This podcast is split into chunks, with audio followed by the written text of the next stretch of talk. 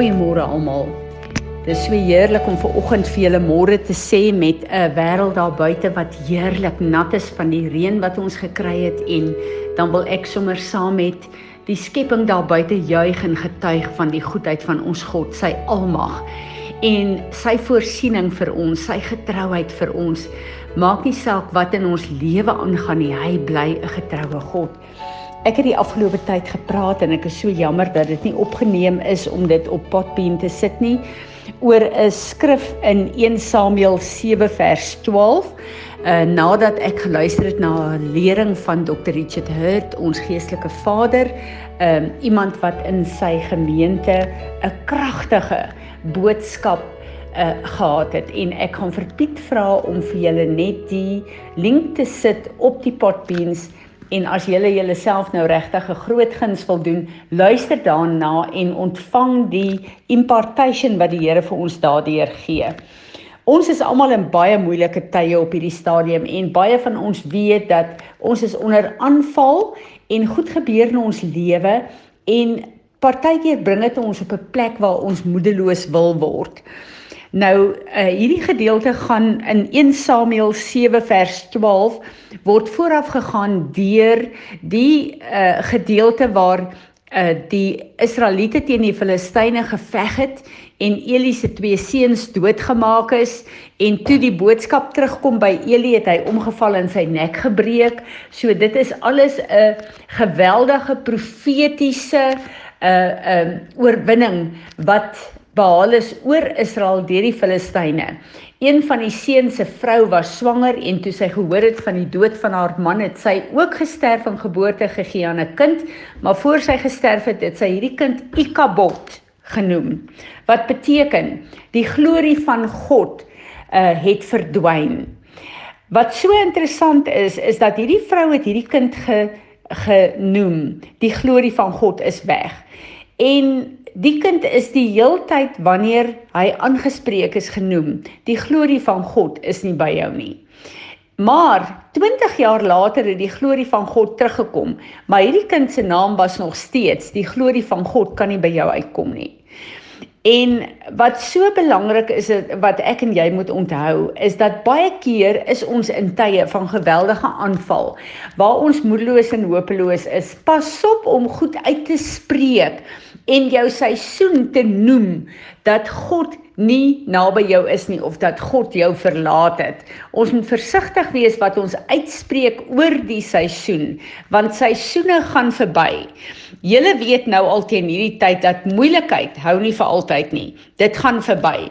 Maar die goed wat ons uitspreek in die seisoen van moeilikheid het baie keer die mag om ons weg te hou van God af, selfs al het die seisoen verander. Uh in 1 Samuel 7 vers 12 staan daar Samuel took a stone and set it between Mizpah and Shen and he called it Ebenezer stone of help saying thus far the Lord has helped us. Die Here het hulle gehelp en 'n uitweg vir hulle gegee. En toe het um, Samuel 'n 'n monument opgerig om die Israeliete te herinner Hier het God ons gehelp. Tot hier toe het God ons nog altyd gehelp. Nou wat interessant is van daai steen, elke keer wat die Israeliete na hierdie oorwinning weer moes gaan oorlog voer, het hulle verby hierdie monument gestap om hulle te herinner God het ons verlede keer gehelp. En ons God verander nooit nie. Hy gaan ons weer help. So dit was die herinnering daarvan gewees. In vandag se lewe rig ons nie meer monumente op elke keer as God vir ons deurkom nie. Ons het getuienisse, ons testimonies. So wanneer ek en jy in 'n geveg moet ingaan, is dit so goed vir ons om net eers na die Here toe te gaan. Onsself te herinner van al hierdie uh testimonies, hierdie monumente wat ons in die gees het om net terug te gaan en te dink wat het God alles vir my gedoen? En dan wanneer ons op daai plek is te weet, God het my verlede keer hierdeur gebring. Die Here, my God, kan nie verander nie, sê Malagi 3 vir ons. So hy gaan in hierdie geveg weer vir my deurbreek, want dit is wat Jesus op Golgotha vir my afgehandel het. Daar is niks wat die vyand kan doen of sê wat my kan weghou van die deurbrake van my God nie. Net wanneer daar sonde en ongeregtigheid in my eie lewe is en wanneer die Heilige Gees vir my wys daar is ongeregtigheid in my eie lewe wat die vyand 'n wettige reg gee, dan kan ek en jy onsself kom humble voor Jesus en vergifnis vra met opregte berou in ons harte en wegdraai van ons sonde en dan weet ons die wettige reg van die vyand is weg en daar is niks wat kan verhinder dat my God weer deurbreek in hierdie plek van oorwinning nie. En ek het Sondag 'n getuienis gebring wat ek graag hier weer wil bring want ek het baie reaksie daarna gekry van goed wat mense my gevra het in hulle eie lewe. Nou uh die afgelope 3 jaar in ons lewe het my man 'n lieflike rug rif vir hom gekoop want dis die honde wat hy lief is vir.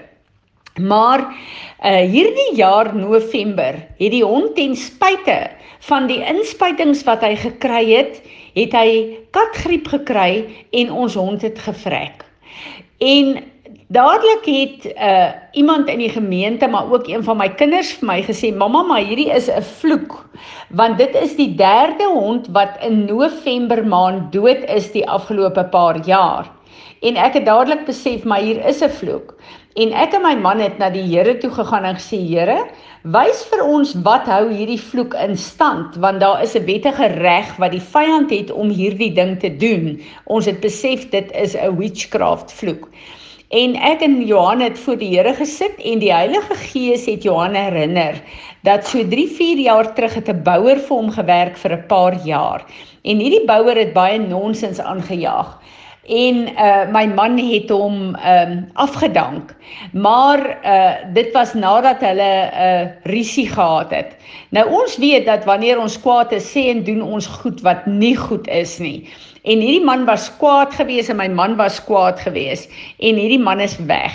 En ons besef hierdie man is na Sangoma toe om Johan te vervloek en die ergste plek waar hulle hom kan vervloek en kan uh uh aanraak is emosioneel waar hy baie lief is vir sy honde. So hierdie man het seker gemaak dat hy hom gaan tref waar dit Johan regtig gaan raak.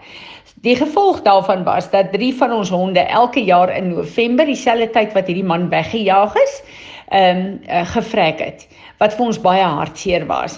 Ek en hy het voor die Here gekom, ons het bely, ons het hierdie vloeke gebreek in die naam van Jesus en ons weet hierdie ding is ge, uh, is gebreek. En verlede week het 'n slegte ding met ons gebeur. Ons erf is goed omheind en ons honde kan nie uitgaan nie want ons het 'n elektroniese hek. En laatmiddag het daar 'n aflewering van Tykelaat gekom en ons het die hek oopgemaak en my man is hek toe om die pakkie te ontvang. En ons ander hondjie Tracy, 'n spaniel, het uitgehardloop want daar het 'n groot trok verbygekom en uh natuurlik wou sy my man beskerm en sy het 'n uh, uh iets gedoen wat sy nooit doen nie om uit te hardloop uit die erf uit. Die trok het haar getref en aan die kant van haar haar kop en dit was vir ons baie baie sleg. Sy is toe bewusteloos, bloed uit die ore, bloed uit die mond uit en ons het die veearts gebel want is na ure en die veearts het vir ons gesê dit is skedelbreek as die bloed uit die mond en die ore uitkom en ons moet haar net uh, uh, los. Sy sal nie bykom nie, sy gaan net sterf. En dit was vir ons baie sleg. Ons het daartoe 'n kombers geneem maar agter op die bakkie gesit dat daar nie vreemde honde in die nag naby haar kan kom nie. Ehm um, en ja, sy was heeltemal bewusteloos en ons het toe nou gedink sy's besig om te sterf. Toe ek op die bed lê, my hart was baie seer en ek het baie gehuil. Toe kom die vyand en sê vir my, "Ja, julle het nou die vloeke gebreek, maar dit werk nie. Kan julle sien dit werk nie? Hier is Tracy nou ook." En Ek het opgestaan en ek het sy stem stil gemaak en ek het gesê Here, ek weet nie wat aangaan in die gees nie, maar ek weet U is 'n realiteit en ek weet U laat my my hele lewe werk om mense vry te kry en vloeke te breek. Dit is die salwing wat U op my gegee het Ek weet dit is die waarheid. En ek weet nie wat in die gees gebeur het nie. Ek weet nie wat met Tracy gebeur het nie, maar ek verklaar net op hierdie plek, U is die waarheid en Jesus se offer is volmaak en afgehandel. En ek het gaan slaap en hier net na 4 die volgende oggend se ek wakker en my man was ook wakker en ek vra vir hom of hy gaan kyk dit buite en hy sê toe nee, hy wil nie vir Tracy weer sien nie. Dit het hom baie ontstel. Ons albei baie ontstel. En hier teen 7 uur toe dink ek, ag, ek wil net vir oulaas na haar gaan kyk en aan haar uh, lyfie gaan vat voordat Daniel ons werker gaan kom om haar te begrawe. Toe ek by die bakkie kom, toe maak Tracy haar oë oop. En ek sien sy het baie gebloei nog deur die nag. Wat 'n teken is dat sy gelewe het. En ehm uh, Ek kyk in haar oë en ek besef maar hierdie hond se oë lyk nie vir my soos 'n hond wat brein dood is of breinbesering het nie. En ek tel haar af en ehm um, ag haar agterlyfie is redelik sterk maar haar voorbene vou net onder haar in en is heeltemal lam. En ek besef uh, nee wat Tracy ons kan nie haar so laat lewe nie en 'n lang storie kort te maak my man vat haar toe na die uh veearts toe toe ons by die veearts kom toe sê die veearts hierdie hond het meer as 50% kans om te lewe en hy spuit haar in sit haar in 'n drip en sit haar in die hospitaal en ehm uh, uh, Na twee toe Johan gaan om te gaan hoor hoe gaan dit met Tracy. Toe sit sy regop op die twee lampote en dit gaan goed met haar. Die volgende oggend is sy ontslaan. Tracy is baie getraumatiseer en bang op hierdie stadium, maar dit gaan goed met haar. Sy eet en ehm uh, ja, ons is so dankbaar en dis of die Here vir my sê Dit wat jy gedoen het, is 'n realiteit. Die vloeke is gebreek en maak nie saak of 'n trok haar getrap het nie. Daai vloek sal nie kan deurkom nie, want dis aan die kruis volbring. Hiermee wil ek julle bemoedig. Hierdie is een van die wonderlikste monumente, getuienisse wat God vir my gee in my lewe. Ons God is 'n realiteit. Maak nie saak wat die vyand vir jou probeer sê nie. Maak nie saak wat jou seisoen is nie. Moet nie jou seisoen noem deur goed wat jy uitspreek nie. Die Romeine 4 vers 17 sê Abraham het dit wat nog nie daar is nie geroep asof dit reeds bestaan het. Roep God se oorwinning se deurbrake se voorspoed.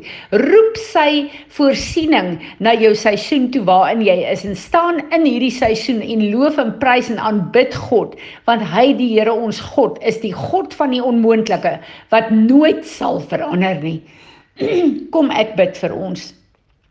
Vader Here Jesus en Heilige Gees van God, ek buig in aanbidding voor U, die Skepper, God van die hemel en die aarde, die een wat ons geskape het, wat U verbondsname laat volbring het in die kruisdood van Jesus Christus en vir Aaron gesê het: "Seën my mense en rig my verbondsname oor hulle op." Ek wil ver oggend kom en ek wil elke verbondsnaam van U kom oprig oor elke een van ons Here. En dankie dat U verbondsname 'n sterk sterk toring is en dat ons daarin kan hardloop en skuil heling vind.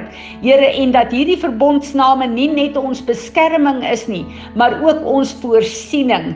En ons wil U kom aanbid as die God van die onmoontlike, die God van oorwinning, die God van deurbrake, die God van vrugbaarheid, die God van voorsiening. En ons aanbid U vanoggend in die naam van Jesus Christus, ons Heer en ons Meester. Amen.